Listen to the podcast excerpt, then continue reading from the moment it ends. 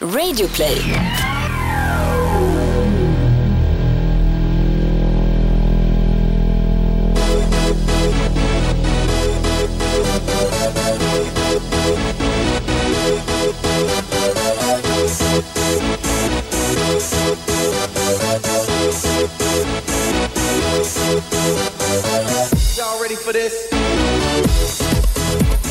Morsning korsning, välkomna till eh, Toto Balutto. Thomas sitter här och är lite bitter över att Mattias Varela frontar King. Bitter? Ja, du lät bitter när du sa det. Nej, glad. Jaha. Det är jättekul när ens gamla kollega, eh, när det går bra för ens gamla, gamla kollega. Där det lät mer som att eh, Nej jag tycker, nej men det, det är ändå du minns tillbaka att han frontar nu King, här sitter jag i ett Nej, fult pannband. nej då har du mi- missuppfattat. Nej men vi jobbade ihop ändå för, vad kan det ha varit, 6-7 år sedan. Då gjorde han biroll i Stockholm Boogie och eh, krigade på helt enkelt. Eh, det är en svår bransch och nu ska han göra Narcos eh, tredje eh, säsongen och eh, är med i den ena storfilmen efter den andra borta i Hollywood. Så det är coolt. Ja. Jag trodde du skulle säga barnförlossning efter att du hade kört eh, morsning korsning. Det hade ju varit passande Gustav. ja, det hade det. Du har Ja. blivit farsa, men det vet ju alla som eh, hörde lilla Florens-snutten i eh, fredags. Hur Vad är det man gör efter barnförlossning? Då käkar man väl moderkakan? Man går ner. Ja, man går ner på centrum, om man ska tro Krille P. Ja, Absolut. kom igen nu för fan, det är dags att vakna. Ja men du yrade ju någonting om att käka moderkakan här med Danne för ja. någon månad sedan. Jag, jag som inte sover. Ja, nej jag, jag vet inte. Hur, hur har första dagarna som trebarnsfar varit? Nej, ungefär som eh, vanliga förutom att man har en uh, liten parvel på bröstet. Idag ska vi snacka Champions League. Det blir tungt Champions League-fokus. Eh, fyra åttondelar av eh, totalt åtta eh, går av stapeln i veckan. Vi ska ha med oss eh, lite expertisröster utifrån, det blir trevligt. Mm. Men bara spontant, din känsla. Det här är ju ett av de första vårtecknena. Ja, det är första vårtecknet och eh, det är ett tecken på att eh, säsongen verkligen börjar dra ihop sig. Ligaspelet, eh, det börjar, börja börjar arta sig, men, men det är ganska tydligt vartåt det barkar.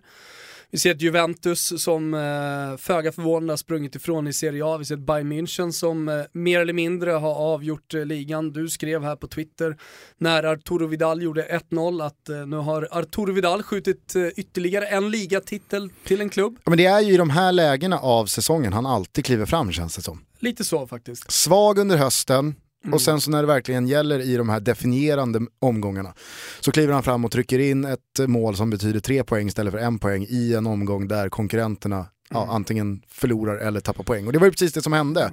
Leipzig torskar ju superoväntat får man väl säga, hemma mot Albin Ekdals Dortmund. Ändå inte eller Hamburg. superoväntat. Ja, fast med tanke- 3-0. Jo det var oväntat resultatet, men att de ska gå på plumpar, att lagen helt, plötsligt ska jag inte säga, men att lagen börjar lära sig Leipzig som nykomling och att de kommer få det tuffare, det var jag helt övertygad om.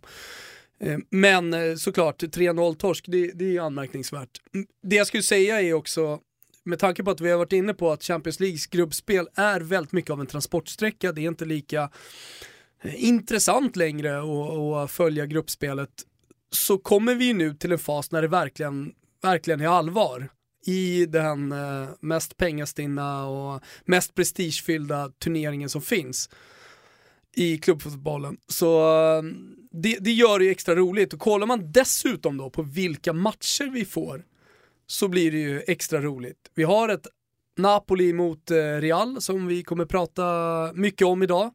Vi har Arsenal återigen då mot ett storlag redan i åttondelsfinalen möter ju Bayern München. Så att det, det, är, det, det är många feta möten och det känns som att det verkligen är på allvar nu. Ja, eh, och vi kanske ska börja då eh, på Parc des Princes i eh, Frankrike där PSG möter Barca. Känns som att de har sprungit på varandra otaliga gånger senaste åren.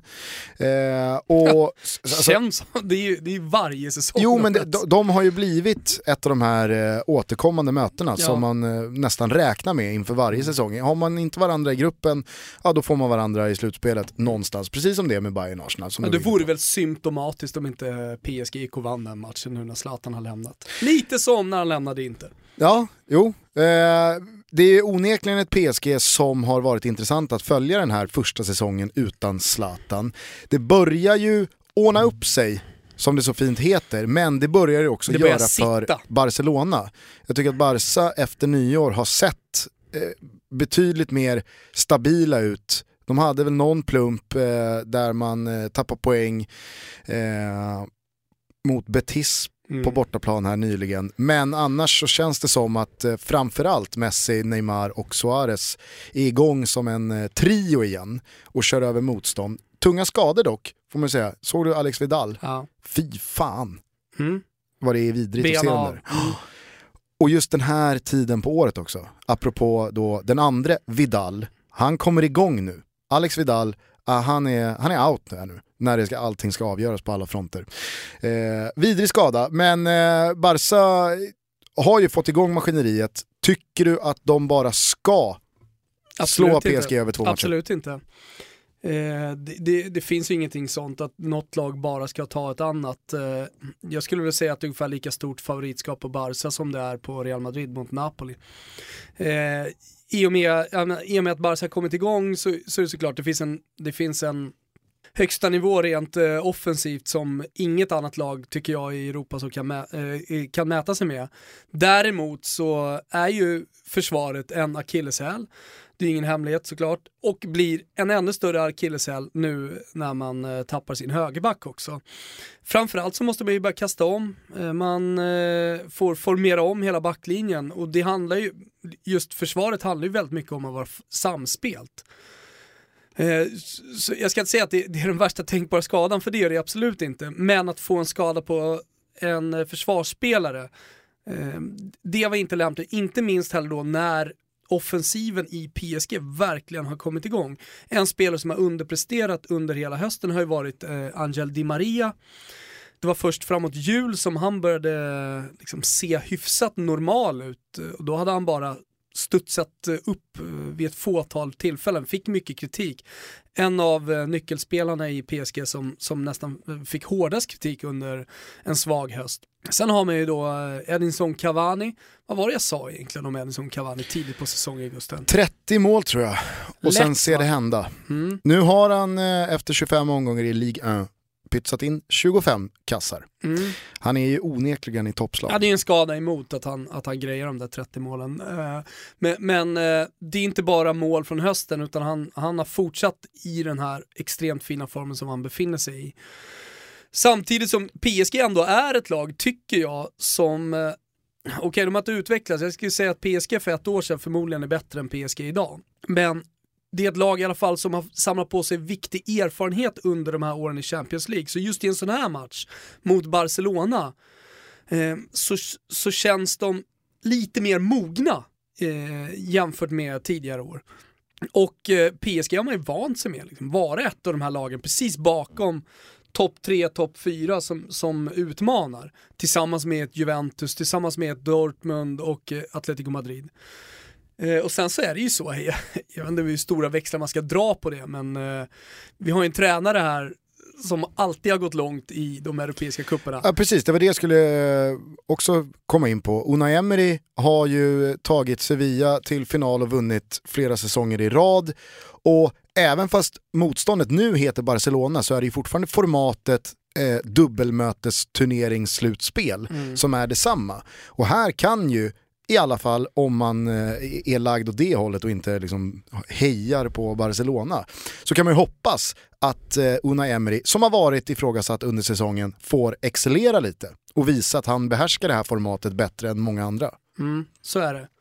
Men återigen då, det, det, är inte, det handlar inte bara om offensiven, det är lätt att man hamnar, hamnar i att prata om de eh, offensiva pjäserna, men eh, PS, PSG bakåt eh, tycker jag tidigare säsonger har sett helt okej ut.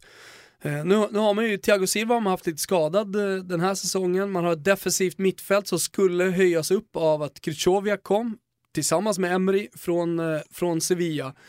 Eh, men där Krychowiak eh, absolut inte har levererat ut efter förväntningarna.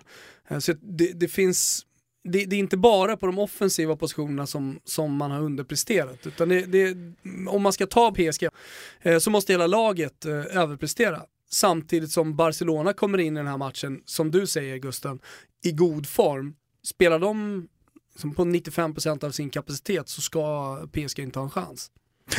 Nej, eh, intressant att du är inne på mittfältet där, för det tycker jag är den lagdelen som jag har blivit mest besviken på den här säsongen och det är ju dessutom den lagdelen som inte heller har förändrats eh, truppmässigt. Alltså man har fått behålla Matuidi, man har fått behålla Verratti, man har fått behålla eh, Thiago Motta, man har plockat in Krychowiak, man har plockat in Benarfa. Ändå så har ju Verratti varit helt eh, under isen stunder. Eh, Matuidi tror jag fortfarande är mållös och vi är i mitten av februari den här säsongen. Så att eh, är det har någon... visserligen lite att göra med hur eh, Emery väljer att spela med sina mittfältare. Han, han får inte lika mycket utrymme att eh, vara med i offensiven. Men Nej. ändå. Men det är ju fortfarande anmärkningsvärt att en lagdel som i fjol såg så bra ut och var så konstruktiva och producerade så mycket poäng som de ändå gjorde. Säsongen senare hackar betänkligt. Mm. Men om, om man stannar till lite i mittfältet, den spelaren som jag tycker nästan har varit bäst, det är Rabiot. Och då skulle sägas att Verratti har varit en del skadad också under eh, den här första delen av säsongen. Mm. Det blir eh, oerhört spännande i alla fall eh, och återigen, det, det känns ju som ibland väldigt onödigt att påminna om. Men så är det ju här ett dubbelmöte och jag vet inte om det finns något svårare lag att ha ett dubbelmöte än just Barcelona.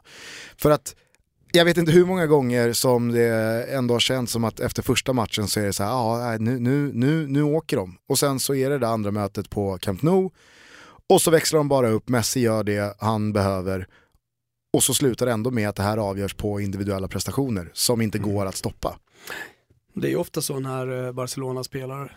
Jag menar, det, det, det kan låsa sig men så har man så fantastiska spelare framåt så det, det löser sig ändå på något sätt ändå.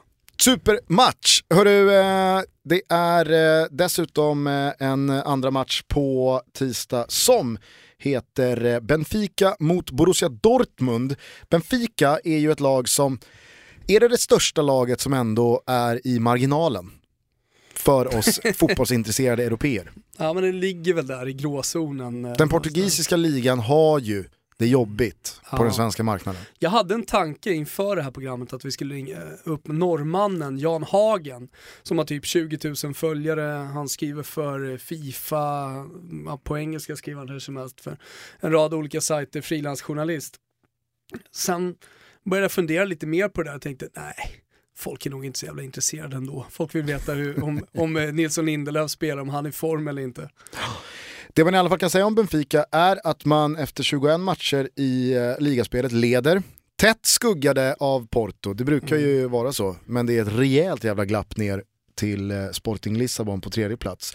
Så att eh, ligan eh, är inte någon, någon missräkning, det, det, det brukar ju gå hela vägen fram till eh, man möts för andra gången innan det där avgörs. Eh, transferfönstret för Benficas del handlade ju mest om spelare ut snarare än spelare in. Man släppte Gonzalo Guedes till eh, PSG, apropå dem. Och det är väl ett ganska tungt tapp, eh, måste man säga. Ja, även om han är en ung spelare så har han redan eh, vuxit ut till en nyckelspelare, hade redan vuxit ut till en nyckelspelare för Benfica. Då. Men det är en säljande klubb och kommer alltid sälja dyrt. Man har på de här 21 ligamatcherna gjort 47 mål. Trots detta så heter bästa målskytten eh, Mitroglou. Greken från... Trots. Vadå? Du sa trots detta. Ja exakt, 47 mål. Så skulle jag säga att trots detta så heter bästa målskytten Mitroglou på 10 mål. Ja det är få ja. Det är få för att eh, vara bästa målskytt i ett lag som har ändå gjort flest mål i ligan. Mm. Eh, men det, det, det, börjar ju ordna upp sig där för att nu har han fått tillbaka sin eh, lekkamrat eh, Jonas. Många minns honom säkert spelare. från Valencia där han gjorde en 3-4 säsonger. Eh, vann väl skytteligan tror jag i portugisiska ligan i fjol. Var skadad hela hösten men kom tillbaka här nu i mitten på december. Benfica spelar ju med ett eh, tvåmananfall och jag tror att det kan... Eh, alltså, Som man saknar tvåmannaanfallen. ja, verkligen. Klassiska Det är alldeles för, få, alldeles för få lag som spelar med tvåmananfall. Ja. Eh, En lite rörligare så en mer statisk klassisk nummer nio. Ja. Nej, men, ja, alltså, det känns som att Benfica fortfarande, eller om det bara är vi som lever i fel del av världen, men Benfica är ett lag som nog många underskattar. Ja, det tycker jag, men samtidigt så, Jag de menar är bara i att- åttondelsfinal, Alltså, och det är väl rimligt att de är i åttondelsfinal, Ja, ja, jag, kanske menar till och med bara att, kvartsfinal. jag menar bara att nu kommer Borussia Dortmund på besök, lotten föll på tyskarna i och med det starka intresset som eh, finns för eh, tysk fotboll här nu i Sverige senaste åren. Alexander Isak har precis gått till Dortmund, de huserar ändå några av... Han spelar eh, inte, nej, men, eh, sitter inte på bänken. nej men han har gått dit. Var det fel val? Exakt. Fiaskovalet. Så här tre veckor Jag senare. menar i, i Real Madrid så har han ju i alla fall spelat i Castilla. Ja. Vi ska prata Dortmund alldeles strax, vi ska ringa upp Pöler, Adam Nilsson, men vad jag skulle komma till var bara att jag tror att många har bilden av Borussia Dortmund från Westfallen med den gula väggen, med några av de bästa spelarna i det tyska landslaget, man har Aubameyang, Hummels, eh, fanns där under den, liksom, så här, storhetstiden. Det, det är Mkhitaryan, Kagawa, alltså, det, det är ett lag som väldigt många har tagit till sitt hjärta och man har sett dem. Eh, Har man sett dem? Ja, i Champions League? i Champions League. Inte i ligaspelet? Nej, det är många Nej. som eh, bluffar där. Absolut. Nej, men håll med mig om att det känns som att väldigt många tror att Dortmund bara ska städa av Benfica över två matcher i ett sånt här möte. Det här är ett Benfica som leder portugisiska ligan, som prenumererar på ligatitlar titt som tätt där, som egentligen alltid går vidare från gruppspelet. Jag ser det absolut inte som omöjligt att eh, Benfica lägger Dortmund på rygg här. Om vi nu bara ska hålla oss till hemmalaget. Nej, det är verkligen inte. Sen så kommer ju Dortmund in i det här mötet i en liten krisperiod efter dåliga resultat, efter ett dåligt resultat i helgen. Jag vet inte hur mycket fokus man hade på den här matchen. Eh, man spelade i alla fall bra lag. Absolut kan man ifrågasätta fokuset, men herregud, med den hösten som Dortmund har gjort i ligaspelet så är det klart att man ska slå Darmstadt, som är dyngsist i Bundesliga. Det är inte superstarka papper när du ska åka till Stadio Dalus och ta dig an Benfica. Nej, men är det någonting man har lärt sig genom att ha följt eh, dels ligaspel men sen internationella kupper så är det ju att lagen kan se helt olika ut. Alltså det kommer helt andra motivationsdelar in. Eh, Fast jag tycker inte det finns ytterligare. på fötter för Dortmund att säga att vi var inte riktigt motiverade Nej, det, tillräckligt att ta tre poäng i den här ligan. Hade Bayern München kryssat Mm. mot Ingolstadt här nu, som man var på väg att göra, så hade jag inte oroat mig speciellt mycket. Nej, man leder ner till Leipzig på andra plats med tillräckligt många poäng för att, ja ja okej, vi tog ett kryss här men vi sparade lite på Och batterierna. samtidigt skulle det inte förvåna mig om Dortmund åkte till eh, Portugal och gjorde tre mål. Nej nej. Nej, det, det, det är på förhand en väldigt öppen match. Och är det någonstans de verkligen har levererat den här säsongen så är det ju i Champions League. Jo, det får man väl säga. Å andra sidan var väl egentligen, det var ju Real Madrid som var ett motstånd i den där gruppen. Ja. Jag menar, Legia, Sporting, Jo, nah. det är också, nej, absolut, men det är lätt att säga, det är matcher som ska vinnas ändå. Och det gjorde man, tycker jag, övertygande. Vi har ju här nu eh, förutsättningarna på Benfica, vi ska alldeles strax ringa upp Adam. Men vi vet ju om man eh, dömer utifrån oddsmarknaden att Dortmund är väldigt stora favoriter till att ta sig vidare från det här dubbelmötet. Kanske för stora. Eh, jag tycker absolut för stora. Eh, med tanke på den information som du kom med nyss här också, att eh, Jonas är tillbaka, hur viktig han är för Benfica. Eh, samtidigt det här missnöjet som har funnits bland fansen, eh, jag tror att många känner till att eh, Benfica-fansen kastade sten mot sin egna buss. Eh, man, man, har, man har varit lite, ja men det, har- det har funnits ett stort missnöje kring laget, man har inte presterat så som man hade förväntat sig inför säsongen. Ehm, nu kommer man in i en period här där, där det verkligen spetsar till sig. Jag tycker att Benfica ändå har ett par växlar upp utifrån det man har, eh, så som man har spelat i, i ligaspelet. Och här tycker jag faktiskt att man kan prata lite om motivation. Alltså när det blir Champions League här nu så, så är jag helt övertygad om att man kommer få se ett helt annat Benfica. Vi dubbelkollar med Adam Nilsson, eh, Pöler-gubben, och hör ifall han tycker att Dortmund bara ska köra över Benfica över två matcher. Hallå? Hur är läget? Jo, det är bra. Sitter mitt uppe i avslutningen av eh, jaktstarten i skidskytte-VM. Det är så väntat ändå på något konstigt sätt att Pöler sitter och kollar på jaktstarten i skidskytte. Ja, det ska vi inte prata om hade vi tänkt. Eh, Jag, innan jag åkte in till studion då, åt eh, Schweinsbraten mitt knödel. Har du eh, laddat upp på något liknande sätt inför det här? Nej, inte inför det här just, men det låter ju väldigt gott. Är det hemmagjord alltså? Ja, såklart. Ja, men är, man kan lita på dig Thomas när det kommer till matlagning, det har jag ju förstått. Ja. Du, eh, från Bratwurstar och Schweinsbraten, vi ska prata Champions League. Det är ju eh, tyska giganter som ska ut och spela Bayern München såklart. Eh, just nu är vi inne och pratar om eh, Dortmund. Eh, de ska åka till Benfica och spela. Vi pratade om favoritskap nyss. Eh, enligt oddsmarknaden så, är de, så ska de vinna till 70, 76%. De är storfavoriter att ta sig vidare från eh, det här mötet med portugiserna. Vad säger du om det? Det har man ju svårt att tro efter att de besegrades av Darmstadt. Trots att de Exakt. spelade med ett, eh, ett B-betonat lag så får man ju säga att eh, Dortmund just nu med alla problem de har är inte favoriter till 76 procent.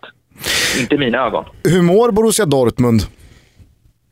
Nej, men det, det är ju inte särskilt bra just nu. Det har ju kommit fram att det är en intern maktkamp som håller på ske mellan eh, då tränaren Tuchel och klubbledaren Watzke. Där ja, det, det, skördar, det kommer att skördas offer med tiden och det syns att det här går ut över laget. Det ser man inte minst på prestationerna. Men det, nej, Dortmund är en klubb som mår rätt dåligt just nu. Ja, dessutom så såg vi väl att eh, det har stökats eh, utanför och det har kommit straff och böter. Berätta. Ja, alltså det var ju kravaller här mot Leipzig. Jag vet, Thomas har ju, varit, har ju läst mycket om det, men det, det, det var ju väldigt eh, ja, trista scener kring Westfalenstranden där man gav sig på Leipzig-supportrar, eh, alltså Dortmund-supportrar gjorde det. Och eh, allt det här slutade ju då med att man nu tilldelade ett straff eh, från det tyska fotbollsförbundet som gav dem eh, till en början då en miljon i böter, då svenska kronor, och sen en, en match utan eh, hela gula pricken.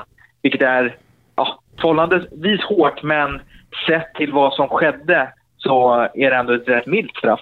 Och sen nu då, här i borta mot Darmstadt så hade man ju tagit fast två, två bussar med Dortmund-huliganer då som hade haft på sig diverse tillhyggen och det ena och det andra. Så att, eh, nej, det, är inte, det är inte mycket som är ljust just nu i Dortmund-lägret. Och så ska man ner till Estadio da Luz och möta portugisiska ligaledarna Benfica som vi ändå tycker eh, någonstans hela tiden är underskattade. De får inte riktigt det erkännandet eh, de, de bör ha. Jag ser- tycker att det- de får det erkänn- erkännandet eh, de förtjänar. Jaha, okej. Ja, ja, det, det, var ju, det var ju segt att du skulle gå in och, och sabba våran enade front här. Men hur eh, ser man på motståndet här i, i det tyska lägret?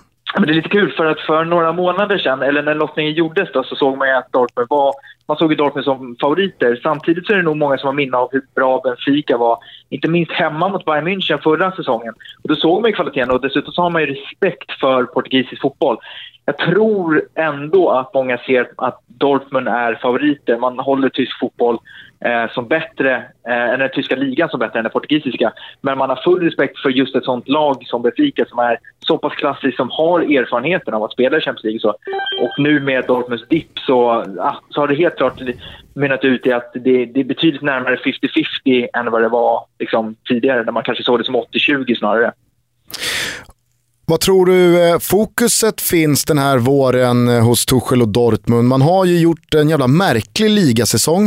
Eh, det har man ju i och för sig nästan gjort en liten tradition av. Vi minns ju säsongen 14-15 när man låg på nedflyttningsplats när serien vände. Sen så kom Tuchel in efter Klopp, stod för en kanonsäsong i fjol.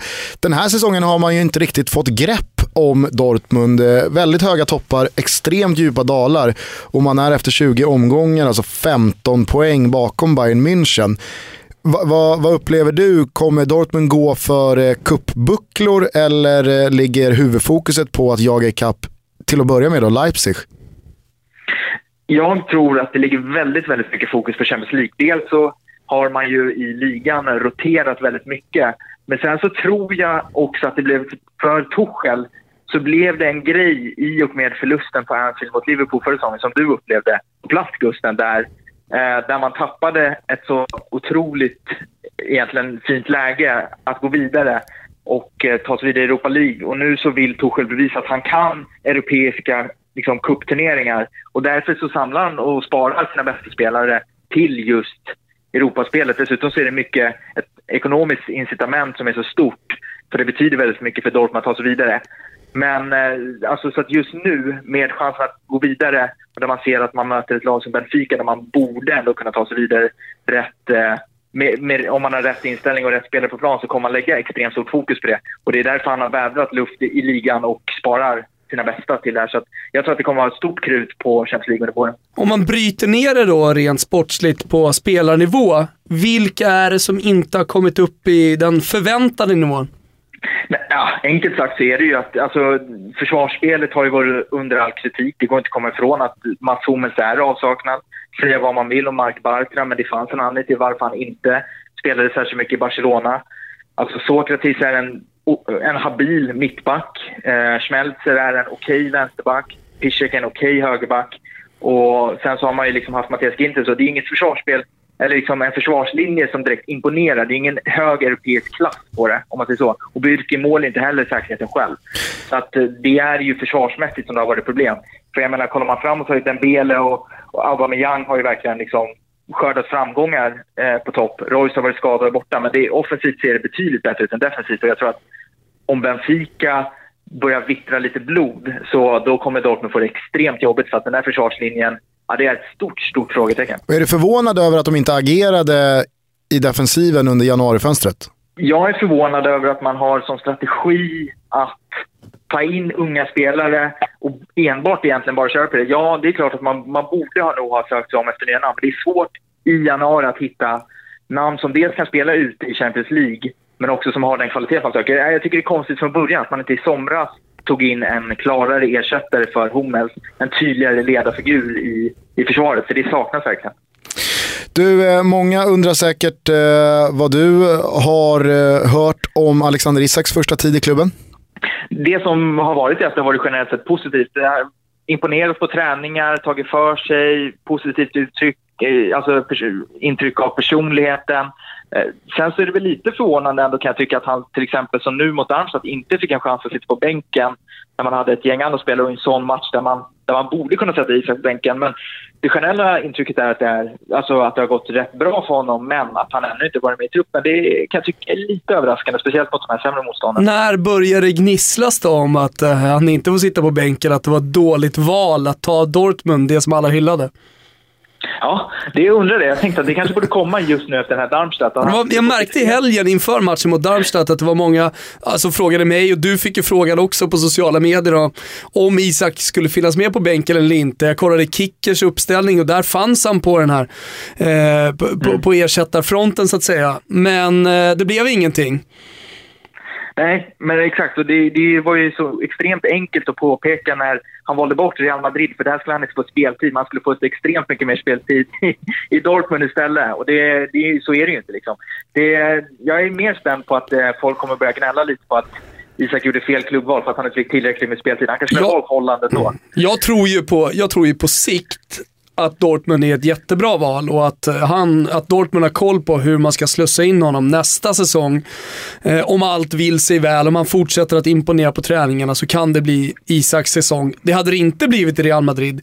Eh, däremot så var jag emot argumenten om att han skulle få speltid direkt. Det enda stället, eller de enda platserna som han hade fått speltid direkt var ju liksom i mittenlag i de stora ligorna, eventuellt ska sägas.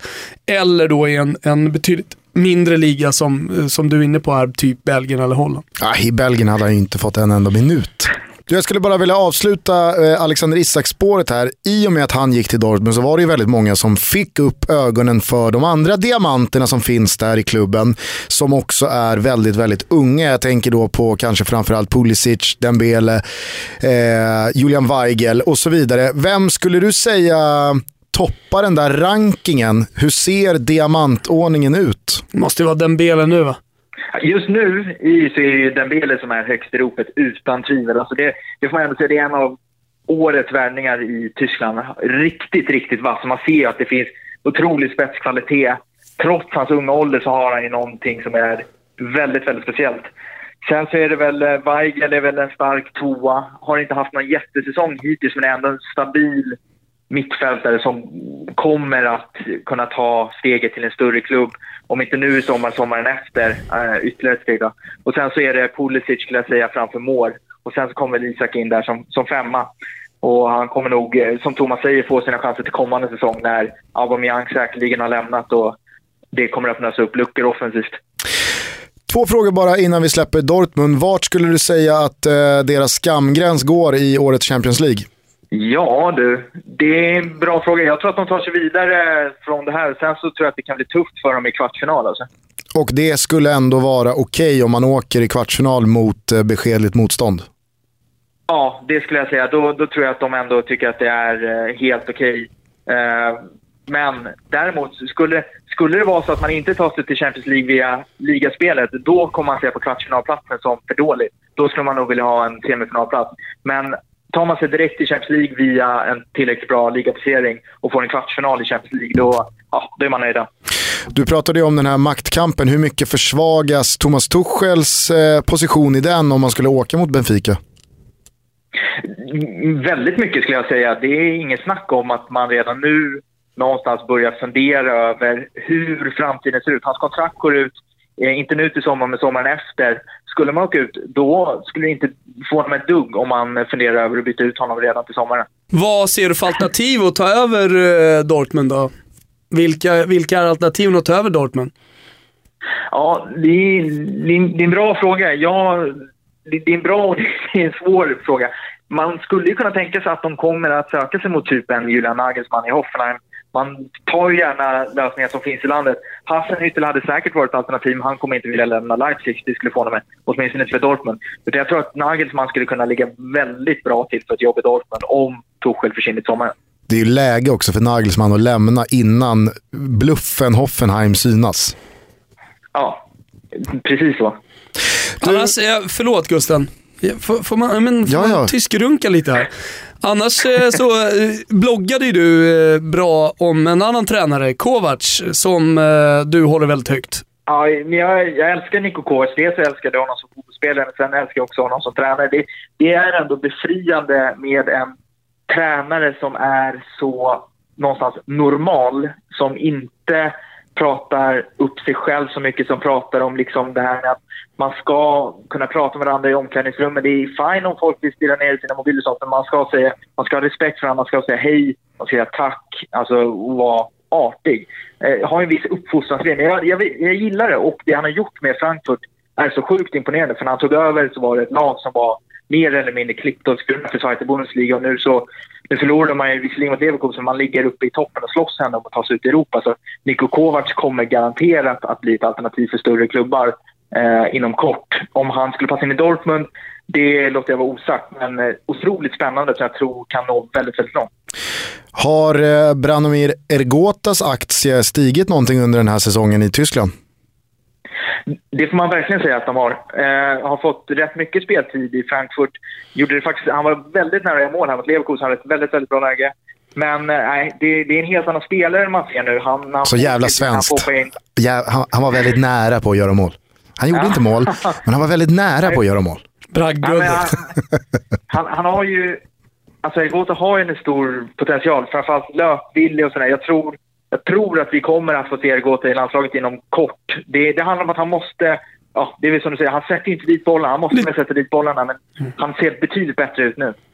Bättre i avslutsfasen. Det är den här klassiska också väldigt vanligt bland unga strikers. Eh, det brukar komma lite senare. De som ser bra ut på plan och som rör sig bra, de som hela tiden hamnar i eh, lägen, brukar det släppa för vad det lider. Exakt, och nu är han väl 23 år eller något sånt. Han är väl lite äldre än vad man faktiskt tror att han är. Han försvann från Jönköping så extremt tidigt. Men äh, det, det, jag är väldigt spänd på att se vad han sitter på. Samtidigt så är det ju Frankfurt också lite av en bluff. Så att eh, han måste börja ta för sig nu, Ergota, innan. För jag tror inte de kommer kunna göra den här säsongen eh, en gång till. Jag tror att eh, du och jag förstår varandra eh, precis här, men bara för att förtydliga för lyssnarna så pratar jag om Hoffenheim och du om Frankfurt då som bluffar. För att de är ju de här lagen som kommer alltså, de kommer kapitulera under ett tvåfrontskrig nästa säsong ifall det skulle bli Europaspel. De här tyska lagen klarar ju inte det. Vi ser Wolfsburg, de gjorde jättebra resultat i ligan för ja, är det två eller tre säsonger sedan så kommer man in i Champions League och så, så klarar man inte av det. Det går åt helvete. Eh, vi, vi, har sett hur många liknande exempel som helst. Eh, Schalke är ett annat och där kommer ju Hoffenheim och Eintracht Frankfurt hamna nästa säsong också ifall de skulle lösa Europaspel. Ja, men så är det. Vi såg ju Ausarna förra året i vår favoritgrupp i Europa League. Hedersamt uttåg mot Liverpool, men i ligan så gick det ju inte nämnvärt. Eh, Det var, inte, det var ingen som kom ihåg den säsongen direkt. Nej. Du, eh, det är inte bara Borussia Dortmund som ska spela Champions League åttondelsfinal den här veckan utan även Bayern München. Vi sa här innan vi ringde upp dig att eh, Arturo Vidal eh, sköt hem ligatiteln till München i helgen. Håller du med? Ja, så var det. Sju poäng nu ner till Leipzig och Bayern München ska tacka sin lyckliga stjärna att resten av lagen i Bundesliga gör såna jävla plattfall den här säsongen. För annars så hade Bayern inte vunnit. Det är jag rätt övertygad om. För att de, de har inte sett särskilt bra ut. De har haft väldigt mycket tur. Och ja, mot Ingolstadt att göra mål i 90 och 90 plus 1 och vinna med 2-0. Ja, det, det säger väldigt mycket om deras säsong. Det fanns ju ett läge här för Bayer Leverkusen att göra Leicester. Ja, Som inte hade varit att göra en Leicester utan som nästan hade varit förväntat. Men alltså med den potentialen med det laget. Men det är långtidsspelet från Pärler. I Ska ryggen. vi påminna då, lyssnare som inte var med där och då. Ja, I inledningen av Toto Balutto så gästade ju Adam oss. Eh, och eh, då fick vi väl eh, på plats i avsnittet tips om att eh, spela Bayer Leverkusen att eh, vinna Bundesliga om man inte räknar in Bayern Münchens närvaro. Men chansen lever. Chansen lever, absolut. Nej men bara tillbaka till Bayern München. Är du förvånad över att Carlo Ancelotti har stått för den här eh, säsongen som man ändå har? Nu är det ju extremt alltså, tuffa, kritiska ögon man har på Bayern München. De leder ligan med sju poäng, har i princip avgjort den. De är i Champions League åttondelsfinal och ändå så känns det som att alla tycker att de har stått för en dålig säsong. Ja, men det känns lite som att alla är väldigt imponerade av Ancelotti som person. Alltså vad han utstrålar i sitt tränarskap. Han är någon sorts liksom, motsats till Pep Guardiola där man hade väldigt svårt för personen. Det var, han var inte särskilt omtyckt. Men man var imponerad av det han fick ut av laget på planen. I Ancelottis fall så är det precis tvärtom. Man gillar vad han står för utanför planen, men det som vi har sett på planen, det imponerar inte. Den enda matchen som Bayern egentligen har imponerat i, det var ju när det gällde som mest. Och det var ju mot Leipzig i slutet av hösten när man körde över dem med 3-0. Och det var ju en fantastisk insats. Jag har ju funderat lite, och det här är väl Thomas bäst på, för jag vet att Thomas nämnde om konto för, i en av era tutto-tripplar för ett par eh, veckor sedan. Att Conte inför en viktig match, så då går man in och så vinner man med 1 eller 2-0, sen stänger man matchen och bidrar inte med. Jag funderar på om det är någonting sånt Ancelotti gör också. Att man gör minsta lilla i matcherna, man vinner och sen så sparar man krutet till när det gäller som mest. Och det är väl någon sån, sån grej som jag i mina ögon hoppas på att få se mot Arsenal. Att man har någonstans dolt sin form för att visa upp sig när det, när det faktiskt gäller. Men har Bayern München möjligtvis i och med de senaste 6-7 årens totaldominans, har deras kravbild förändrats från supporterhåll också? Vi pratade lite om Real Madrid innan här, att de har en historia och en identitet att leva upp till. Att det räcker inte bara med att vinna med 1 eller 2-0 eh, och, och bjuda på en tråkig tillställning och ta tre poäng för att alla ska vara nöjda, utan det ska spraka, det ska se ut på ett visst sätt. Om man är överlägsen, men då ska man vinna också jävligt underhållande och jävligt vackert. Alltså, har Bayern Münchens ja, men, totala överlägsenhet legat dem lite i fatet där? Ja, men så är det. Så är det. Alltså, det är ju den enda matchen som folk har varit nöjda med känns som. Det är ju, det är ju ja, Leipzig och sen när de vann mot Bremen i början av säsongen, de vann med 6-1 eller vad det var. Och då var ju folk jättenöjda för det såg bra ut. Ja, men för jag menar, alltså, så här, det Bayern München du och jag har vuxit upp med, alltså slutet på 90-talet, början på 2000-talet. Där handlade det om, alltså så länge de vinner så är det lugnt. Då är det ingen som bryr sig om hur det ser ut. Nej men, nej, men exakt så är det ju. Det är den mest oförglömliga, eller liksom minst lättast glömda finalen var ju mot Valencia 2001.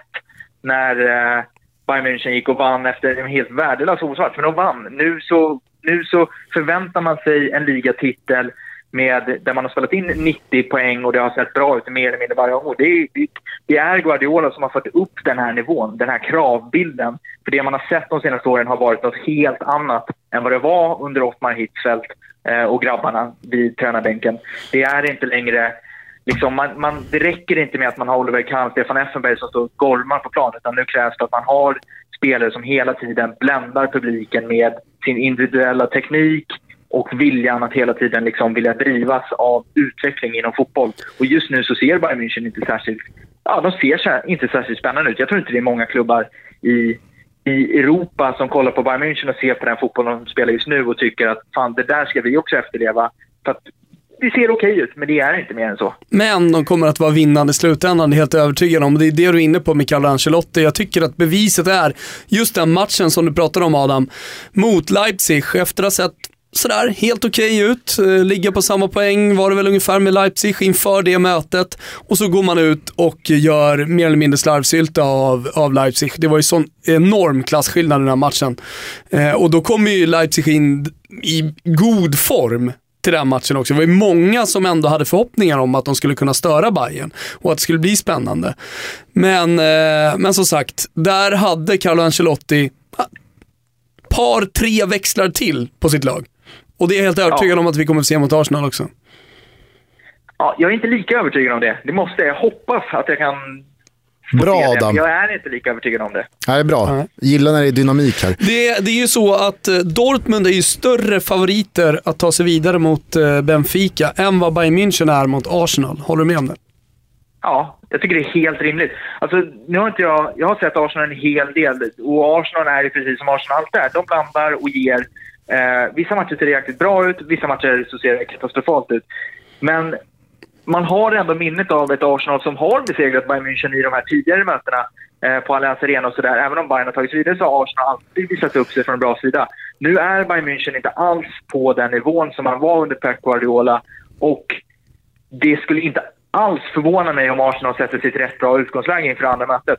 Eh, jag tror att det kommer krävas mycket för Bayerns del för att de ska ta sig vidare. de har fortfarande väldigt goda chanser, men jag är långt ifrån övertygad om att de är särskilt givna favoriter. Det känns som mer eller mindre 50-50 i dagsläget. Ja, jag tycker att det ska ja, bli extra intressant. Fan om jag håller med om om det ska vara 50-50 mot Arsenal. Det håller jag absolut inte med om. Jag tycker i alla fall att det ska bli extra intressant att se det här mötet spegelvänt för första gången, i alla fall i modern tid. Alltså att första matchen spelas på Allians och att Arsenal får avsluta på Emirates.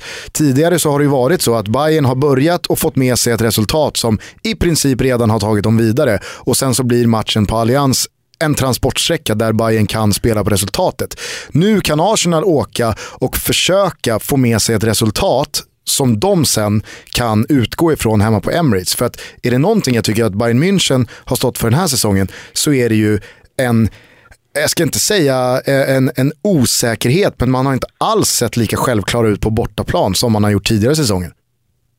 Nej, så är det och det är därför det betyder så extremt mycket att man går ut och får ett resultat på Allianz Arena. Jag är, extremt, jag är väldigt, väldigt spänd på att se vad de ska kunna hitta på. För att Arsenal kommer inte bjuda på mycket och Bayern München har inte lyckats få igång offensiven. Men kanske att alltså det kommer bli... Det är Lewandowski man kommer luta sig åt och hoppas mycket på. Thomas Müller är ju helt i form. Arjen Robben är på gång.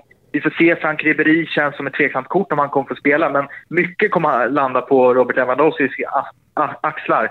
Så det är upp till honom att bevisa att han är den stjärnanfallare som många förväntar sig. Och Ancelotti har ju helt klart lagt mycket i Lewandowskis axlar under den här säsongen. Så att, eh, ja, det blir extremt spännande att se. Men äh, jag, jag tror att det blir tufft för Bayern. Hur mycket saknar man Jerome Boateng? Väldigt mycket. Jean Martinez är inte alls mittback på samma nivå. Jag kommer ihåg när man värvade Jean Martinez så dels var det den dyraste värvningen i Bundesligas historia. Men det kändes också som en värvning som var i tiden så låg den helt rätt, för det var en väldigt eftertraktad spelare. Han kom in, var defensiv mittfältare i det lag som gick och vann trippen 2013. Men som mittback så är han inte på samma nivå. Han är rätt slö. Tycker inte han har den spelförståelse som Boateng har. har och där får man vara glad över att man har Mats Hummels i Bayern München, för utan honom så hade det här försvarsspelet också sett lite tamt ut. Eh, Filip Lam är inte den Filip Lam som vi har sett sen tidigare och alla bara är en duktig vänsterback. Men Ja, jag är inte övertygad om försvarsspelet i Bayern München heller. Och Neuer, Neuer är Neuer, men äh, vet inte om han är världens bästa målvakt som så lätt, som man så lätt drar till med i den diskussionen. Ja, det är inte många som är kvar i den ringhörnan tror jag. Klart Filippa som är kvar. Ja, några absolut, men det känns som att många har gått vidare från att bara hosta ur sig att Neuer såklart säsongen. är bäst i världen. Mm. Spännande blir det. Hur följer du matcherna? Jo, eh, första mötet kommer jag ju att se tillsammans med er och massa andra på Toto-balonset ah. fram emot onsdag. Fan det, vad trevligt. Det, det, ska ju bli väldigt, väldigt roligt. Det kändes ju perfekt att jag hade valt en kväll när Bayern också spelar. Då kan man ju komma dit och faktiskt veta någonting om ja. lagen som är där. Det är ju rent fotbollsmässigt, om man bara tar det, en riktig toppkväll. Ja, utöver allt annat. Jag har ju längtat. Vilka jävla inbjudningskort från Grand Frank. Det är ändå kvalitet på grabbarna där. Kommer du i, i Grand Frank-skjorta? Jag tror att alla kommer klä upp sig utan pöler. Han kommer komma i bayern tröja och flapp-flapp-keps. ja, det är ju tyskt att göra det om inte annat. Eller läderhosen. Ja, det skulle man ju kunna göra. Jag tror det är jäkligt kallt bara. Men nej, någonting eh, lite mer uppklädd än vad jag vanligtvis brukar vara, kommer jag säkert på. Man ser ju aldrig så mycket halsdukar knutna över precis varenda kroppsdel som man gör när man går på fotboll i Tyskland. Nej, och framförallt så är det inte den här roliga typen av halsdukar. Det är ofta den här 50-50-halsduken som man köpte i samband med Pins har man också man... mycket. Ja, ingen gillar dem. Mycket så här också jeansjacka ja. där man har sytt på grejer. Ja, ja visst. Och roliga hattar. Rakt ut från punktshop. Hör du, väl mött på onsdag då. Eh, och eh, tack för inspelet kring eh, Dortmund och Bayerns förutsättningar inför åttondelarna. Absolut, på onsdag smäller det. Puss puss. Auf Wiedersehen. Hej. Ja, tschüss. Tschüss. Väldigt mycket bra och eh, informationsrika tankar här från Pöler kring Dortmund och Bayern München. Ska vi säga någonting kort om Arsenal, detta gudsvetna lag mm. som, eh, jag vet inte, alltså det på tal om då höga toppar och djupa dalar. Eh, ja, verkligen, verkligen. Och det ska vi göra. Vi kommer ju eh, ha lite mer fokus på de engelska stora elefanterna vad det lider. Mm. Men Djupdyker man i Arsenal på ett snabbt sätt här nu inför åttondelarna så kan man ju säga att det har varit en inledning av 2017 som har varit väldigt oroande. Väldigt mycket skador, framförallt på mittfältet, man har ju knappt lag där. Men vi alla såg förlusten hemma mot Watford som kom som en blixt från klar himmel. Den är vad den är tycker jag, det är en missräkning. Det, det är bara liksom, Nej, vi står för 30 riktigt bleka minuter från början. Watford utnyttjar det, gör två mål och sen får de inte in bollen för vare sig kvittering eller ett vinstmål. Men den förlusten som verkligen skakade om mig, det är ju den mot Chelsea. Där det var Ja, det var ju pojkar mot män. Mm. Och Chelsea är ju inte ett lag som jag vare sig håller som eh, bättre eller kanske ens lika bra som Bayern München. Bayern München är ju definitivt på den nivån också. Det är klart att måste ju räkna Bayern München högre än, än Chelsea. Ja men det är det jag menar, att liksom så här, det, det, var ju inte så att okej, okay, ja men det var Chelsea, nu ska vi ändå möta Bayern München. Det är svåra jämförelser kan... att göra i och med att Chelsea inte är med i Champions League-spelet. men du fattar, du fattar vart jag vill komma. Absolut. Det är ju risk för att Arsenal hamnar i ett liknande läge som man gjorde på Stamford Bridge. Mm. Att när det verkligen gäller i en sån här match så är det stora stygga Bayern München du möter på bortaplan. Det är spelare som har spelat de här matcherna många, många gånger gånger. Och ett Arsenal som då har fått avvara några av sina mest rutinerade spelare, det ska in en eh, Iwobi, det ska in en Oxlade Chamberlain, eh, El Nenny och så vidare och så vidare. Spelare som kanske inte har gjort det jättemånga gånger på den här nivån. Nej. Och jag vet inte hur mycket man kan lägga på Alexis Sanchez axlar innan det blir liksom Nej, mycket för ligger ju redan på, på hans axlar och han gör väldigt mycket, framförallt så gör han väldigt mycket vinnande mål. Mm han, han uh, har ju varit en ruggig poängspelare, alltså inte poängspelare ur den bemärkelsen att han gör mycket poäng, utan han har uh, bidragit till väldigt många av de poäng som Arsenal har tagit. Hur tror du uh, Wenger resonerar i just det här mötet? Alltså hur Wenger resonerar är helt omöjligt att, att förstå. Det är nog många som har gjort... Det enda man vet säkert om Wengers resonerande, det är ju att alla kommer inte stå bakom det. Nej, garanterat inte. Speciellt inte Arsenal-fansen. Men, eh, nej, men i, i huvudet på Arsène Wenger har man ingen aning om vad som pågår. Eh, däremot ska jag ju säga vad jag tycker och det är ju helt klart att eh, Olivier Giroud ska spela. Om man bara kollar på hans senaste matcher så har han gjort väldigt mycket mål, han har gjort assist, han kom in mot Chelsea i den här matchen som du pratade om och gjorde mål också. Eh, jag tycker verkligen att Chelsea har ett spel som inte passar att spela med falsk nia. Eh, det är klart, nu är, nu är Alexis Sanchez så pass bra att det, att det liksom blir så att de, han löser matchen i alla fall. Men det är för hans eh, individuella kvaliteter. Jag tycker att man ska ha både han och eh, Giroud på planen samtidigt. Jag tycker att det blir en helt annan dimension i Arsenals spel när man har en riktig nia på topp. Med Giroud på plan så blir ju också Mesut Özil bättre. Det tycker jag absolut. Alltså Hans blir... egenskaper kommer ju mer till rätt mm. med en forward som Giroud framför honom än med en Alexis Sanchez framför honom. Jag tycker det känns mycket mer komplett det känns mer harmoniskt när Arsenal spelar med eh, Giroud på planen. Sen är det väl så att i slutändan så är det Theo Walcott som kanske frälser det här Arsenal. Att det är han som äh, visar att äh, men det, är, det är fan dags för Theo. Mm. Jag tycker i alla fall att eh, Giroud har visat de senaste tio matcherna att han ska spela. Sen så är det ju så med nior det, det är ett klassiskt problem när man kollar på fotboll, i och med att de inte är med i spelet hela, hela tiden, speciellt mycket. Alltså de är med som target, de är med i boxen. Eh, och när spelet inte funkar, när laget inte funkar, då blir det lätt att eh, man hackar på centertankarna. Man tycker att de ser dåliga och orörliga ut. Eh, men ofta så, så beror det på att eh, resten av laget helt enkelt underpresterar. Eh, men om Arsenal spelar bra, om Arsenal får igång sitt anfallsspel, då tycker jag att de blir betydligt bättre med Giroud på plan. Skador eh, som verkligen ställer till det, det är ju såklart de på Cazorla och Ramsey. Granit Xhaka är avstängd, saknas också. Då lär det väl bli Coquelin eh, på mitten, en spelare som har fått väldigt mycket kritik under den här säsongen. Eh, El Neni är ju, eh, jag, jag, är inte övertygad om den eh, gubben.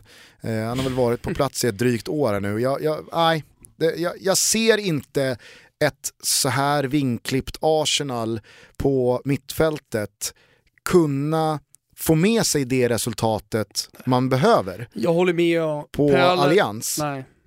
För där kommer det nog vara, lite som vi var inne på här med Adam, i den här Leipzig-matchen, att när det väl kokas ner till den här matchen så är jag säker på att Bayern München kommer gå ut, ta tag i taktpinnen och visa vilka det är som bestämmer. Ja, vi har varit inne och snuddat på det. Eh, jag tycker inte vi gick hela vägen i mål, men just det här eh, med erfarenheten som Carlo Ancelotti har, att lägga upp eh, liksom säsongen och eh, pytsa ut energin rätt eh, och se till så att eh, hans lag är bäst när det gäller i de stora matcherna.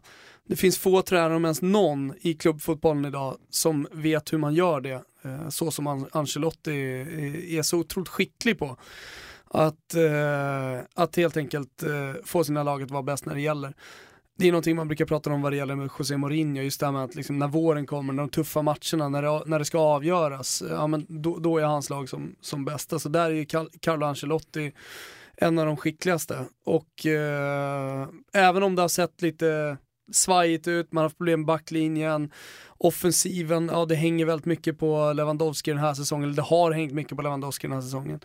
Eh, så tror jag att vi kommer få se ett Bayern München som kanske gör sin bästa match hittills. Mm.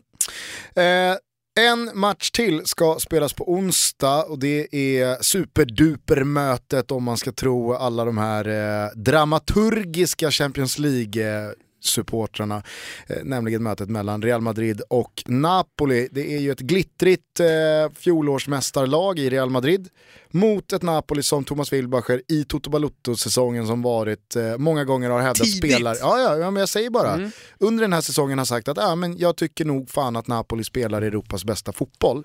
Eh, det är ju väldigt subjektivt, som Såklart. jag tycker att eh, man ska spela fotboll. Jag menar bara att de yttre förutsättningarna pekar ju på här att det ska bli en väldigt sprakande match.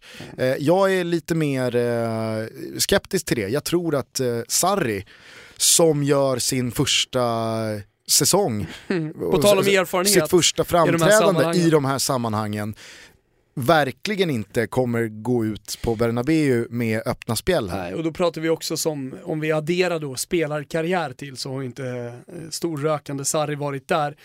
Han eh, är ju till, till åren kommen, gode Sarri, och aldrig gjort, aldrig varit i de här stora sammanhangen tidigare, men har ju i alla fall i Serie A bevisat att, att uh, han har där att göra. Möter då, ställs mot en Zinedine Zidane som är regerande Champions League-mästare som tränare och har ju absolut varit där som, som spelare. Eh, däremot så tog han ju över ett lag och han tog över ett fantastiskt lag. Det Sarri har gjort, det är ju satt sin prägel på Napoli. Han har skapat ett, eh, han, har, han har skapat det här laget, det spelet som Napoli visar upp vecka efter vecka i Serie A. Det är Sarri som har gjort. Och det är det som jag tycker är så eh, häftigt och, och intressant med Sarri och man kan tycka att fan, att ingen upptäckte den här gubben tidigare. Att det ska behövas en eh, grym säsong i Empoli för att han ska få chansen på den riktigt stora fotbollsscenen. Eh, men återigen då, nu sitter vi här och pratar om Carlo Ancelotti, om erfarenhet i Champions League-sammanhang, man kommer alltid dit, ja men då borde det här vara en munsbit för Real Madrid. Eller? Ja, eh, alltså det är väl klart att eh, ska man eh, gå på erfarenhet så ska det här sluta på ett sätt och det är ju att eh, Real Madrid går på knock. Men för att bredda den här bilden, för att måla tavlan i lite fler kulörer så ska vi ringa upp våran gode vän tillika Napoli-supporter Antonio Abizzo som ska ner på den här matchen. Han har stenkoll på bortalaget och han ja, har nog en hel del intressant att skjuta in i uppsnacket inför den här matchen. Jo. Vad är det för eh, känsla ni åker till eh, den spanska huvudstaden med? Ja, den är väl god måste man väl säga. Ändå. Det är liksom... Vad fan, kan det vara sämre när man åker dit? Så det, det, det, det, blir ju inte bättre än så här, det tror jag inte. Alltså jag gjorde ju den här resan i fjol, för då hade ju Roma, Real Madrid eh, i åttondelen också. Eh, nu började ju för sig Real med att vinna på Olympico, så det var ju dött lopp när man väl kom till Bernabéu. Men det var ju verkligen en känsla av att det här kommer inte att gå, skillnaden är för stor. Men jag vet inte, Napoli har ju en högsta nivå, tycker i alla fall jag, som kanske faktiskt kan störa Real. Det, så kan det ju vara. Sen, sen tycker jag också att, att Real har väl en, kanske en lägsta nivå som är i paritet med att det liksom ska kunna gå vägen. Det, det luriga är väl att de, de rycker upp sig när det väl behövs Real. För man tittar man de senaste säg senaste månaden i ligan så visst, de har ju liksom hållit efter och vunnit. Men jag tycker inte det ser så sprakande ut. Det, det tycker jag inte. Ja men det har ju Zidane fått lite kritik för också. Just, alltså Real Madrid-publiken är ju känd för att det är till och med jag varit med om i en hemmamatch Real mot Zaragoza, men, men när spelet inte riktigt är sådär roligt, då går man hem i 60 minuten och viftar med sina näsdukar. Men det är ingen hemlighet för folk. Eh, däremot så är man ju också kända för, om man vänder på det, för att verkligen vara bra när det gäller. Och eh, nu, nu är det en åttondelsfinal. Liksom. Det är klart som fan att Real har mer erfarenhet än Napoli, en åttondel i, i, liksom, i, i Champions. Det är bara att kolla förra gången Napoli kom så här långt. Vinner med 3-1 hemma mot Chelsea. Så, så lyckas man ju åka ur ändå, så, så det, det är klart att det spelar roll. Det verkar vara en jävla kraftsamling i eh, nummerantal eh, med bortasupportrar i alla fall. Berätta. Det är klart, för fan, det är ju liksom historiska proportioner. Så att jag, jag minns ju själv när lottningen var. Jag, jag var ju på, på Benfica-matchen här vi säkrade avancemanget och så var det ju bara en vecka eller något sånt tills, tills själva lottningen. Och jag menar, liksom, de här flygresor och sajterna i Italien, de kraschade ju samma fredag som de lottade. Liksom. Folk, så att det var ju väldigt många som, som, inklusive mig själv, som på impuls bokade bara för att säkra upp oss liksom så här, med inställningen att okej, okay, vi löser det praktiska sen. Så det har ju varit lite, lite liksom, vad ska man säga, spännande lösningar för, för, för att säkerställa dels att man tar sig dit men också att man får tag på en biljett. Så. Hur har man gjort? Eh, jag läste lite i Gazettan i morse, men berätta vad, hur, hur uppfinningsrika och eh, fantasifulla napolitanarna är. De hittar ja, för sätt. Första, för det första så är det ju dryga 4 000 som, som, som kommer vara på, på bortasektionen.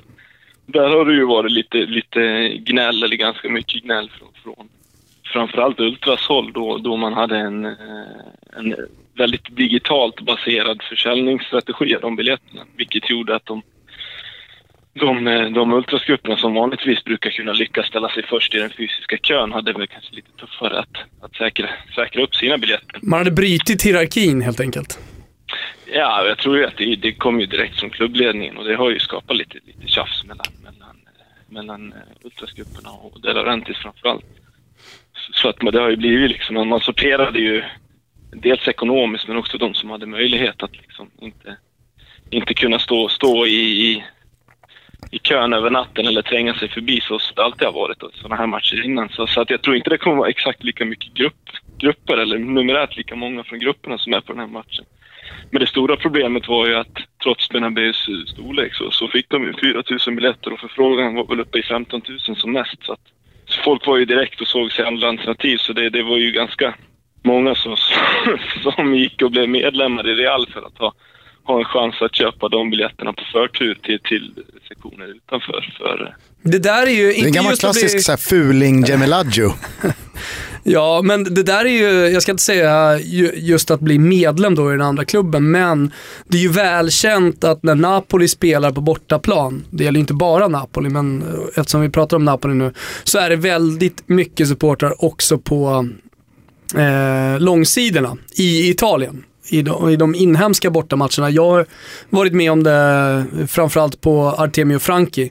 Där man ser det det. blir ljusblått liksom på långsidan också. men rent krasst så är ju liksom eh, Neapel, folk genom tiderna har ju, många har ju emigrerat liksom. London, Paris och... och Madrid också. Madrid och andra stora delar av, av, av eh, Italien. Så, så att det, det, bor ju, det bor ju mer Napoli-supportrar ute i, i, eller med rötter i Napoli, ute i Europa än liksom, vad det gör på hemmaplan. Och det är klart att de blir ju extra hungriga när liksom... dels Som du. går bra. Ja, men det, är- det är klart man blir det. Det, är- det är inget snack, snack om den saken. Liksom. Så att, men det har ju också lett till mycket problem. Jag kommer ihåg när Napoli var mötte Liverpool här i Europa League för, det, fyra, fem år sedan nu. Eh, Då var det ju samma fenomen. Det var ju liksom, det var ju, stod ju 5000 Napoli-supportrar och skulle in på långsidan på, på, på Anfield liksom. Och poliser som, som vägrade släppa in alla med, med utländska, alltså italienskklingande namn och det. Det, det, var väldigt stökigt. Då. Men du, berätta, var står Napoli för de som inte riktigt har koll på Serie A, på, på Napoli? Va, vad står de idag? Sätt dem lite i perspektiv. Alltså så, som klubb så, så är det ju här våran, vad ska man säga, våran andra eh, mest framgångsrika period någonsin. Det är ju bara tiden, sju åren med Maradona som, som går att jämföra. Tycka vad man vill om De Laurentiis och modern fotboll och så, så är det ju ett faktum att, att liksom över de senaste hundra åren så finns det ju bara en period med Maradona som Napoli har varit mer framgångsrik än man är nu. Mm. Och kollar man på sådana här liksom eh, indexlistor och, och pengar och, och klubbars storlek och poäng och så, så är ju Napoli, och har ju varit åtminstone de fyra senaste åren, fast i en topp 20-lista och är ju liksom och, och nästan nallar på en topp 10-plats ibland, men på 13-14 plats liksom bland, bland klubbar som gått förbi Roma till exempel. I Italien är det ju bara Juventus som har högre rankingpoäng på de där listorna. Så det är ju historiskt. För, för Napoli så, så är det ju fantastiskt. Det, det går inte att säga något om det. Och hur stor potential har laget då? Tycker du? Alltså, någonstans så börjar man ju toucha med det man har nu, med, med, med vad som är rimligt, liksom att man kan förvänta sig en normal säsong. Jag tror ju helt ärligt, även om man skulle bli jävligt besviken om man kommer hem och torskar, jag tror inte någon med lite perspektiv kommer, kommer att gnälla om det skulle visa sig att man inte tog sig förbi Real en åttondel som Napoli. Det, det vore ju orimligt. Men samtidigt så är det ju så här, vi befinner oss i en period där Napoli spelar riktigt bra fotboll, men överjävligt bra. Man gör mycket mål, det ser stabilt ut bakåt. Många som ändå börjar drömma lite inför den här matchen och jag tycker när jag skannar av, eh, dels bland bekanta men, men också lite sådär på sociala medier, att eh, det finns ändå lite Napoli-hopp där ute. Ja, men det är alltså, så, som jag säger, alltså, jag, åker med, med på, jag åker ner på tisdag med, med, med en ganska god känsla. Dels för att, för att Real inte är kanske det här cyniska Bayern München som liksom eh, vet hur de ska tolka det, utan att de ändå är lite mer löslösa. Får de till det så kommer det bli otroligt svårt. Men jag tyckte det var en ganska talande bild när, när Söder fick frågan efter Genoa-matchen. De tryckte upp en bild där Zidane satt på, en, eh, på, någon, på något, vid något litet skrivbord och eh, kollade på, på videos på, på när Napoli spelade på en liten laptop. Så frågade de Sarri om han, eh, om han redan hade börjat att, att studera det allvar på han svarade att nej, Zidane har nog kanske mer tid än vad jag har. så, så att ja, på något sätt tycker jag det är en ganska skön fingervisning att det finns, alltså Ja, även Real tvingas läsa på. Ska jag vara helt ärlig så är jag inte säker på att Napoli anpassar sitt spel speciellt mycket. Du, innan vi kommer in på det sportsliga bara i själva matchen så tänkte jag bara i, i, eh, i det här eh, sammanhanget så, så upplever i alla fall jag att Napoli har sin första säsong på ett bra tag där man gör starka resultat men där det inte finns den här tydliga spelaren som kommer att försvinna. Det känns som att eh, det finns ingen Cavani, det finns ingen Lavezzi, det finns ingen Iguain i det här Napoli utan man kan faktiskt ha en realistisk chans att bygga vidare på det här laget till nästa säsong och spetsa det ytterligare. Det stämmer. Det är det, den enda som, man ska liksom, som, som kommer ha en het marknad i sommar, om det, speciellt om det fortsätter så här, det är ju Koulibaly. Dels för att det råder en brist på, på marknaden för den typen av spelare. Han är ung och så sen är han ju som, som om man nu bara ska dra lite förutfattade meningar, han är som klippt och skuren för sportchefen när är managers i, Premier League, så de är nog beredda att betala lite vad som helst för honom. Om vi ser till mötet här nu med Real, jag tror att det är många runt om i fotbollsvärlden som tror på att det här kan bli en eh, sluggermatch med 5, 6, 7 mål och det kommer spraka av bara helvete. Jag är ju lite orolig att det kan bli lite låst, att Sarri åker dit för att bara få med sig ett så snålt resultat som möjligt hem. Får jag bara addera där, med tanke på att Zinedine Zidane spelar ändå ganska cynisk fotboll, eh, defensivt med tanke på det spelarmaterialet han har. Exakt, och att Sarri i, på Santiago Bernabéu, om han helt plötsligt ställs mot det, är ganska nöjd med ett 0-0-läge så, Ja. så, ju längre matchen lider. Jo, jo, men håll liksom. med om att alla har nog byggt upp förväntningar kring den här matchen som en potentiell 4-2 match. Ja, med tanke på vad, vad Napoli har gjort de senaste omgångarna och eh, med det spelarmaterialet som Zidane ändå har. Vad tror du? Alltså det, det är väl klart som fan, det vore ju vansinne från, från Napolis sida att tokrusa och riskera liksom att, att, att eh, ett, ett dubbelmöte över efter 20 minuter. Så att jag tror ju att, att nog kommer perioden när man känner på varandra och vara var lite längre än när Napoli exempelvis åker upp till Bologna och de gör två svaga minuter och så sen lossnar det. Samtidigt som, som det, det som Napoli har varit allra sämst på det är ju egentligen att, att eh, dels har de ju varit duktiga att ta matcher mot Milan som exempel. Man tar ledningen med 2-0 liksom efter 10 minuter och sen har man ju varit väldigt dåliga att förvalta resten av matchen. Utan det är mer så att man liksom med, med nöd och näppe hankar sig ut liksom och, och i bästa fall så, så får man med sig liksom en uddamålsseger. Så att jag tror inte det är bara så att Napoli skulle, skulle få en tidig ledning så tror jag inte det är, är optimalt ur Napolis synvinkel. Utan då är det hellre att det är jämnt och att nerven liksom i matchen och att det, det, det är öppet längre än att, att man skulle lyckas få in ett tidigt mål och sen liksom ställa sig på, på, på liksom bussen där bak. Det, det har Napoli inte varit speciellt bra på den här säsongen. Hur upplever du att psyket i eh, Napoli av idag är? Ja, alltså det, var ju, det, det, är ju ändå där bristen har funnits. Om man, om man nu ser till varför, varför Napoli ändå är så pass långt efter Juventus i ligan så är det ju vissa delar, eller har ju varit vissa delar av den här säsongen där man kanske inte riktigt har nått upp till storklubbsmentalitet eller vad man ska kalla det. Så, så att det, det, är ju, det är ju en bristvara och det, det bygger ju också mycket på att men historiskt sett så är inte Napoli som klubb eller spelarna som spelar i Napoli vana i den här situationen. Att liksom prestera över längre tid på den här nivån, så är det ju. Du, eh, kort bara. Eh, vi såg Gabbiadini lämna Napoli. Chockar alla genom att ösa in mål i Southampton i Premier League just nu. Eh, Men det var- väl ingen som hade förväntat sig någonting annat heller. Han avslutade ju starkt i Napoli också. Ja, ja, det var ju så, fort, så fort det var mer eller mindre officiellt att han kommer lämna, då lossnade det. Då var det väl en fyra på fyra, må- fyra baljor på fyra matcher i rad. på tal om starka psyken. Precis, jag menar tekniskt har det väl- är det väl ingen som har diskuterat att det har funnits kvalitet, men det har ju också, jag tycker han, han hade sin chans och jag kan inte säga att jag grämer mig, även om han kan liksom visa med fakta att han kan stänka in lite mål nu. Så. Då är jag mer oro, orolig över att Pavoletti har sett så otroligt tung och långsam ut. Så att, han hade inte ett jättebra inhopp senast. senast. Det spelar det ingen roll med tanke på att Mertens är så bra som han är och är egentligen alla i den eh, offensiva trojkan i, i Napoli. Men eh, det var ju nästan lite smärtsamt att se Pavoletti komma in och vara en del av den fantastiska Napoli-offensiven. Men lite så. Och, och, och det, det är väl liksom det som kan störa mig lite grann. Det är väl att någonstans har ju Napoli kanske börjat betala ganska för mycket pengar för vissa spelartyper i, i vissa lägen. Det är dyrt att ha djupa fickor. Ja, men det är så. När, liksom, när folk vet att det finns pengar. Och, jag menar, vi lyckades ju få en bra summa för Gabbiadini, men spendera i princip samma peng på, på Pavoletti så var det en bra affär. Det vette fan alltså. Men de som sitter och hoppas på att höstens succépolack Arkadiusz Milik ska komma in snart och, och visa vem som är sheriff i stan. Vad, vad, vad säger du till dem? När är han eh, fit for fight? Han satt på bänken hela matchen sist. Så fit for fight, han har, han har ju fått, eh, fått vad ska man säga, sitt, sitt utlåtande från professor Mariani där i Rom. Och det finns väl ingen annan i världen som är mer fit att bedöma sånt än han. Är det, är det Villa Stewart? Det är klart det är. Ja. Villa, vad har vi berättat om Villa Stewart? Ja, Abitso. Nej, men grejen är, jag, jag har faktiskt tänkt på det lite så här, när man har, när man har fem minuter över ibland. Jag undrar liksom, dels så vet jag inte hur gammal den här professor Mariani är, men den dagen han liksom lägger sin skalpell på hyllan, vad fan gör fotbolls-Italien och Europa då liksom? Det, det är som han knädoktorn borta Stedman. i Kanada, Stedman, som eh, har opererat alla. Som på slutet av sin karriär, jag vet inte om han har gått bort nu, jag ska inte säga för mycket, eller om han bara har Gått lagt ner. bort.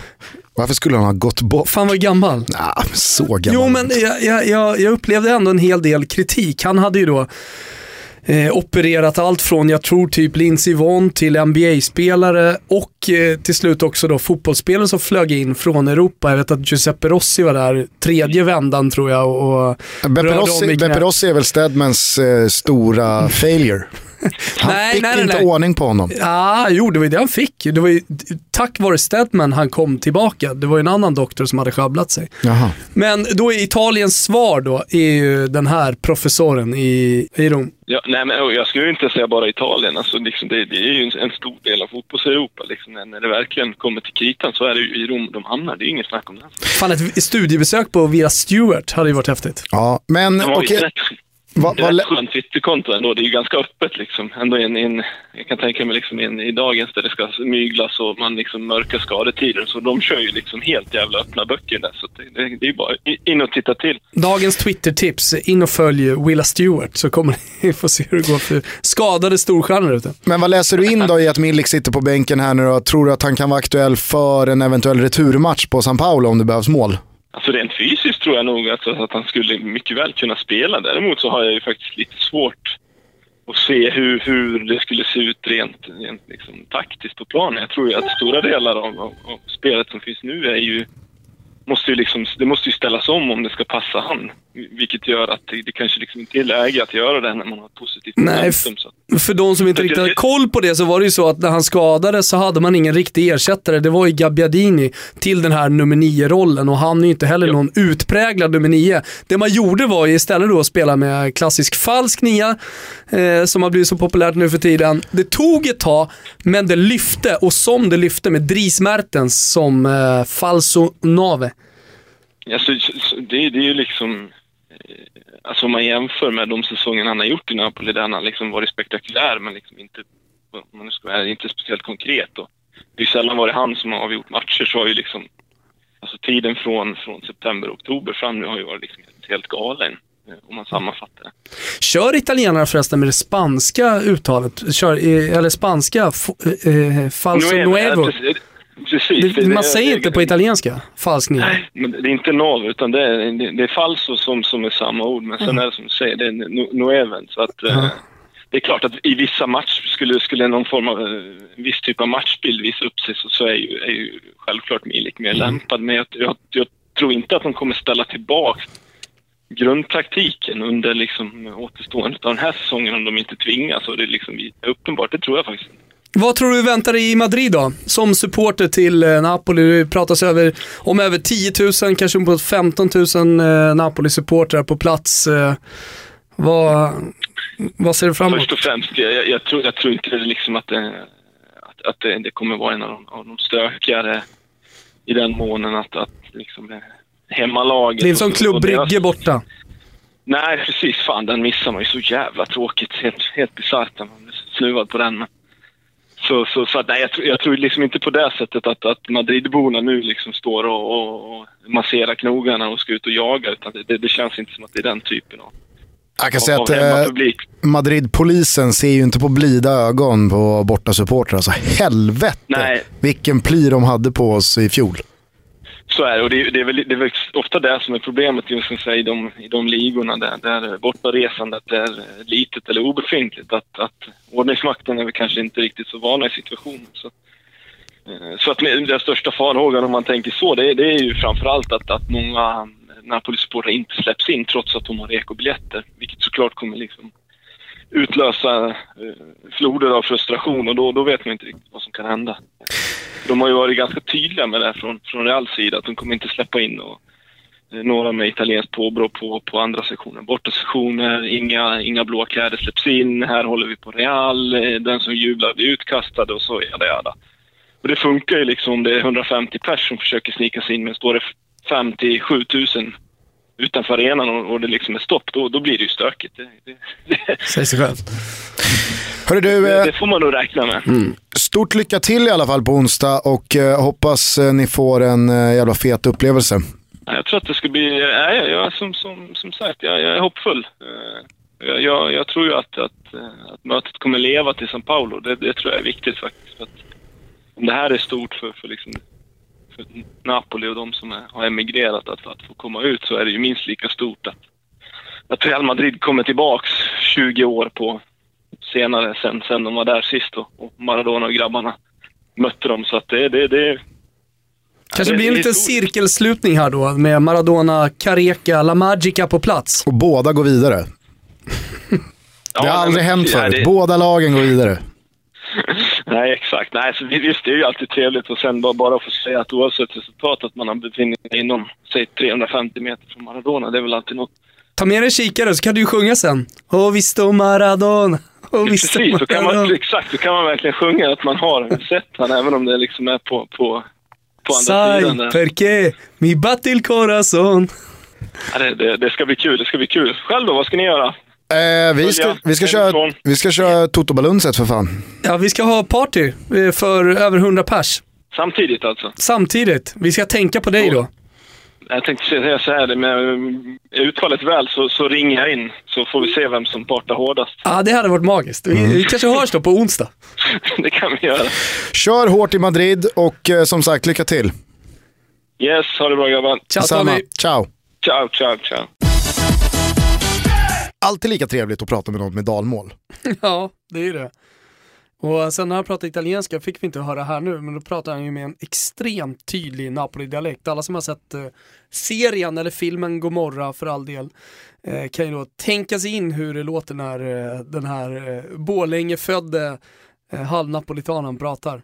Du, är det någonting du vill fylla på med gällande Real Madrid? Nej, men jag tycker att eh, det finns eh, liknande iakttagelser att göra vad det gäller Real Madrid som med Bayern München. Alltså det, det rent spelmässigt så ser det inte alltid jättebra ut. Eh, Real Madrid-publiken som vi pratade med eh, Antonio om eh, är ju väldigt krävande. Man vill att de står för en ganska spektakulär fotboll, vinner stort, bjuder publiken på någonting mer utöver segrar, för det gör man ju onekligen. Men när allting kommer omkring, när det är de här stora matcherna så handlar det bara om en sak, det vet vi om. Eh, och där har ju faktiskt eh, Zinedine Zidane under sin korta tränarkarriär ändå visat att han har vad som gäller. Det här blir ju då en ganska intressant tycker jag, tränarkamp, det är väl där jag skulle vilja landa. Två stycken oerfarna eh, tränare på olika sätt. En oerfaren för de här sammanhangen, en annan oerfaren för att han har precis börjat träna. Eh, och sen så står de för två väldigt olika typer av fotboll. Eh, eh, Napoli är i 37 fall av 38 nästan spelförande i Serie A. Och överlägsna tekniskt, eller i alla fall bättre tekniskt, även i, i de stora matcherna. Och här ställs man då mot ett eh, betydligt bättre, om man bara tar rent tekniskt då, Real Madrid. Därför ska det bli intressant att se hur, hur Sarri tänker. Alltså vi, och det är där man, där man landar tycker jag i uppsnacket. Alltså kommer, kommer Real Madrid trycka på här nu med hemmapubliken i ryggen och på hemmaplan och veta att vi borde få med oss ett riktigt bra resultat? Kommer man vara lite mer avvaktande då för att man har respekt för Napolis otroligt formstarka och väldigt skickliga offensiv och således eh, tar lite försiktigt i offensiven också. Antonio var inne på eh, Napolis spel i spekulationerna här nu, rent taktiskt, eh, att man kanske inte ska göra så stora förändringar, att man kommer se ungefär likadana ut. Men man, man måste nog ändå göra en del förändringar med tanke på att man möter mm, mm, Real Madrid på bortaplan med allt vad det innebär. Eh, så jag tycker att det är ovisst att se en matchplan. Alltså man, om man tänker rent spelmässigt, vad, vad, man ska, vad man ska lägga sina pengar någonstans, då är det lätt att landa i att ja, men det kommer bli mycket mål för det finns mycket offensiv kraft. Samtidigt så tror jag att det finns en hel del ängslighet i båda lagen. Eh, inte minst i Real Madrid då, att, som jag var inne på, att, att bjuda Napoli för mycket. Och att, eh, som jag sa till, eh, till Antonio, att Napoli kommer vara rätt nöjda om Real Madrid tar lite försiktigt första, första halvleken. Så ja, jag tycker att det är ganska svårt. Eh, Spelmässigt således så ligger man ju lite lågt här, håll med om det. Ja, absolut. Sen är inte det här någon, någon, någon spelpodd, Nej, men alltså jag hur tycker man ändå man tänker kan så. landa, nej men jag tycker Ja. ändå att det är intressant Nej, att landa i det dina- resonemanget. Ja, och dina tankar, de verkligen späs på av hur Real Madrid formerade sitt lag mot Osasuna. Jag ska inte säga att det var en fembackslinje, men i alla fall en trebackslinje med två wingers i Danilo och Marcelo. Sen hur mycket det har att göra med att Bale är borta, eller om det är en generalrepetition av Zidane för att man ska spela så mot Napoli, det återstår väl att se, men det skulle vara intressant att se Real Madrid utnyttja då ytorna som Sarris Napoli lämnar längs kanterna i sitt 4-3-3 för att på så sätt kanske då helt stänga av och strypa Napolis ytterbackar, om det nu blir Golam och Maggio. Eh, det får vi väl se, men håll med mig om att det kommer... Maggio är på den här nivån fortfarande. Det är helt jävla oförståeligt. Nej men håll med om att det, det, det kommer nog bli en högintressant taktisk match Ja, men i det- det defensiva snarare än två lag Ja. som går ut och lägger i femmansväxeln. Ja men det. Jävlar vilket matigt surr det blev av de här fyra matcherna. Om en vecka så fyller vi väl på med ett avsnitt där vi eh, går igenom förutsättningarna för eh, de resterande åttondelsfinalerna. Ja men det är klart vi gör. Vi ska säga att vi fortsatt är sponsrade av Betsson.com, känns skitkul Mm. och vi är ju alla avundsjuka på vår gode vän Kristoffer Svanemar som i eh, morgon åker ner till Portugal och till Lissabon, Estadio da Luz för att eh, genom Destination Europa kika på Benfica mot Dortmund. Eh, ni hörde Kristoffer gästa oss för ett tag sedan. Eh, Då berättar han eh, att det handlar om att spela en fixad summa som jag tror är 113 kronor på Mm. den här matchen, valfritt objekt. Då är man med i tävlingen där man då kan vinna en valfri fotbollsresa i höst. Spelar man det spelet då får man en lott, men lägger man en toto-trippel en valfri toto-trippel där den här matchen ingår med ett objekt med insatsen 113. Hashtaggar Toto-trippen, screenshotta spelet, in med den på Twitter. Ja, då köper man sig också en till lott i den här tävlingen. Så att gör det för guds skull. Dessutom så finns det ett välkomsterbjudande från Betsson som vi ska lyfta. Det stämmer Gusten, eh, det är ett välkomsterbjudande som heter riskfritt spel. Alltså värdet på det riskfria spelet matchar den summan som man sätter in. Så sätter man in tusen spänn till exempel som är max, Och det här gäller alltså nya kunder. ja det gäller nya eh, kunder. För alla er som ännu inte reggat er på Betsson.com Ja, så är det ju exakt. här ett kanonerbjudande. Mm. Eh, Så då, då kan man ju då lägga till exempel eh, en, en dubbel med eh, den här matchen som Svanemar ska på, om man tycker det känns bra. Eh, lägga en lax, lägga en femhunka, vad man nu känner för. Eh, så eh, går inte spelet vägen, ja, men då torskar man ju normalt sett sina, sina pengar. Men i och med att de är så generösa Betsson så är det här spelet riskfritt, det vill säga att man får eh, pengarna tillbaka om man torskar. Så för alla er som ännu inte har ett konto på Betsson så gäller det alltså att eh, regga ett konto, sätt in valfri summa upp till 1000, Betsson dubblar den insättningen och matchar dessutom det med ett riskfritt spel. Dortmund-Barca just nu får man eh, som dubbel alltså 4,60 odds. Mm. Det kan ju vara kanske någonting. Ja det kan verkligen vara någonting. Mm. Toto-tripplar eh, kommer ut eh, senare i veckan för helgen. Jag kan fan inte släppa att den sprack på Anfield där. Eh, Du kan inte släppa att den sprack på Anfield, få rött i tredje minuten på Sassuolo. Det är ju, sånt där, det är ju så med spel. Ja. Sånt kan man ju liksom inte förutse. Och så tar man ledningen med Alessandro Matri liksom efter 25 minuter ändå ser faktiskt helt okej ut i första halvlek.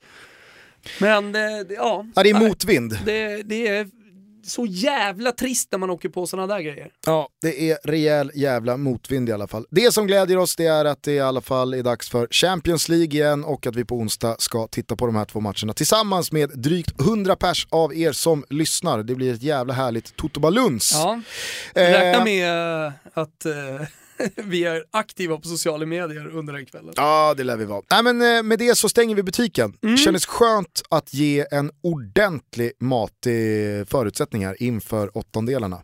Ja, jätteroligt. Toto Balotto tar det här på allvar. Ibland så är vi lite blaja, ibland så är det lite garvigt och det handlar om eh, det, det fluffiga kring fotbollen. Men eh, här tycker jag vi spänner bågen. Ja, Ska, det- någon, eh, ska någon komma och bräda det här uppsnacket inför de här matcherna, då får man fan ligga i. Ja, det får man väl göra och det är kul att vi har vänner också som kan hjälpa oss eh, på traven som Adam och Antonija Bitso. Till exempel nästa vecka, då har vi nya vänner med oss när det vankas nya matcher i Champions League, Gusten. Precis. Men Och- innan dess, vet du vad vi har då? Ja, en annan polare, Marcus Birro. Jajamän, Det blir eh, ett intressant avsnitt. Nej, mycket intressant. Det ska bli kul att träffa honom igen. Det var ju ett tag sedan, Ja, det var ett om vi tag sedan. säger så. Känns som Marcus pendlar mycket vikt. Man Mm. vet inte riktigt vad man har han februari 2017. Alltså, Vi Bir har ju däremot Birro i en knappkamp. Ja, Vilket, eh, vi, vi, alltså, på tal om att, eh, alltså så här 50-50 odds, hur det ska gå. Det Ja. kan gå precis hur som helst. precis hur som helst. På tal om vänner, är det så att ni har någon polare där ute som känner fy fan vad jag saknar några som eh, snackar bra om fotboll. Sprid då för fan vårt gospel. Toto Balutto. Eh, finns eh, precis överallt där man kan lyssna på poddar. Vi har sociala eh, mediekonton som heter Toto Balutto och man kan mejla oss på totobalutto.gmail.com. Tänka sig! Ja, tänka sig. Fan vad vi ligger i framkant. Du, eh, vad ska vi gå ut på den här veckan då? Jag sitter och funderar lite med tanke på att det är Champions och allt. Eh, Om man ska gå ut på en riktig vinnarlåt. Eh, En riktig... Ett, ett tag tänkte jag på Campioner, E-Types. Alltså, en vandrande klyscha. Ja. Nej men vet du vad vi kan göra? Jag har ju grottat ner mig totalt va? Aha. i eh, hitlåtens historia på SVT Play. Okej. Jag tror jag såg har för fyra, mycket tid Gustav. fyra, fem avsnitt såg jag i helgen. Eh, då såg jag eh, The Look, Roxettes gamla dänga. Eh, som Per Gessle håller fortfarande som sin absolut bästa låt någonsin som han har skrivit. Eh, det, är- det She's är bra, bra jävla gung i den. Kim, dra igång eh, The Look med Roxette och sen så spänner vi fast oss för att eh, Champions League är tillbaka och att våren är här. Vi hörs om några dagar, då gästar Marcus Birros. Eh, ta hand om er, var rädda om varandra, krama varandra, pussa varandra och njut av underbar fotboll. Ciao tutti! Ciao tutti! Tasted like a raindrop. She's got the look. Heavenly bound, cause heaven's got a number when she's spinning me around. Kissing is a color, a loving is a wild dog. She's got the look. She's got the look. She's got the look. She's got the look. She's got the look. What in the world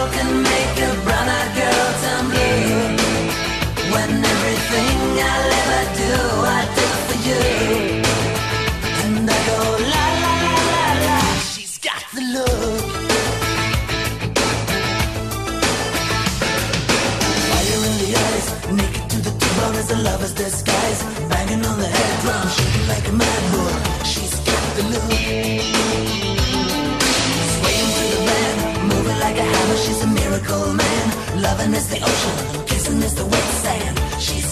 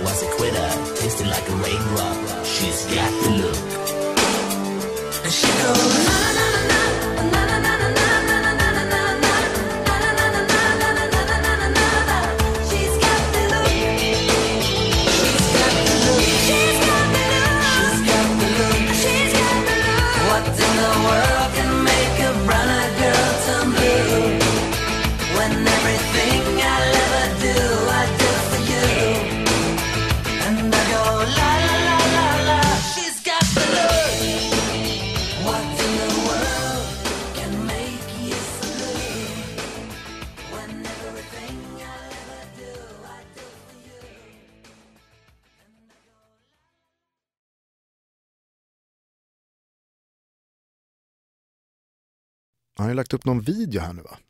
Jaha, har det blivit dags igen?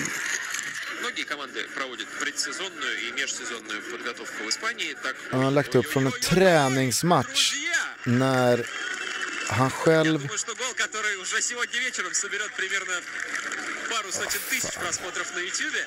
Han har väl skjutit från halva plan in i mål. Har han inte gjort det?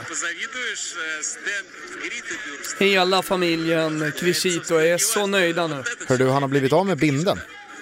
Ja, det var väl på tiden.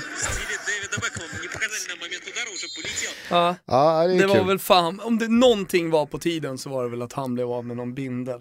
Vet du vad som också var på tiden?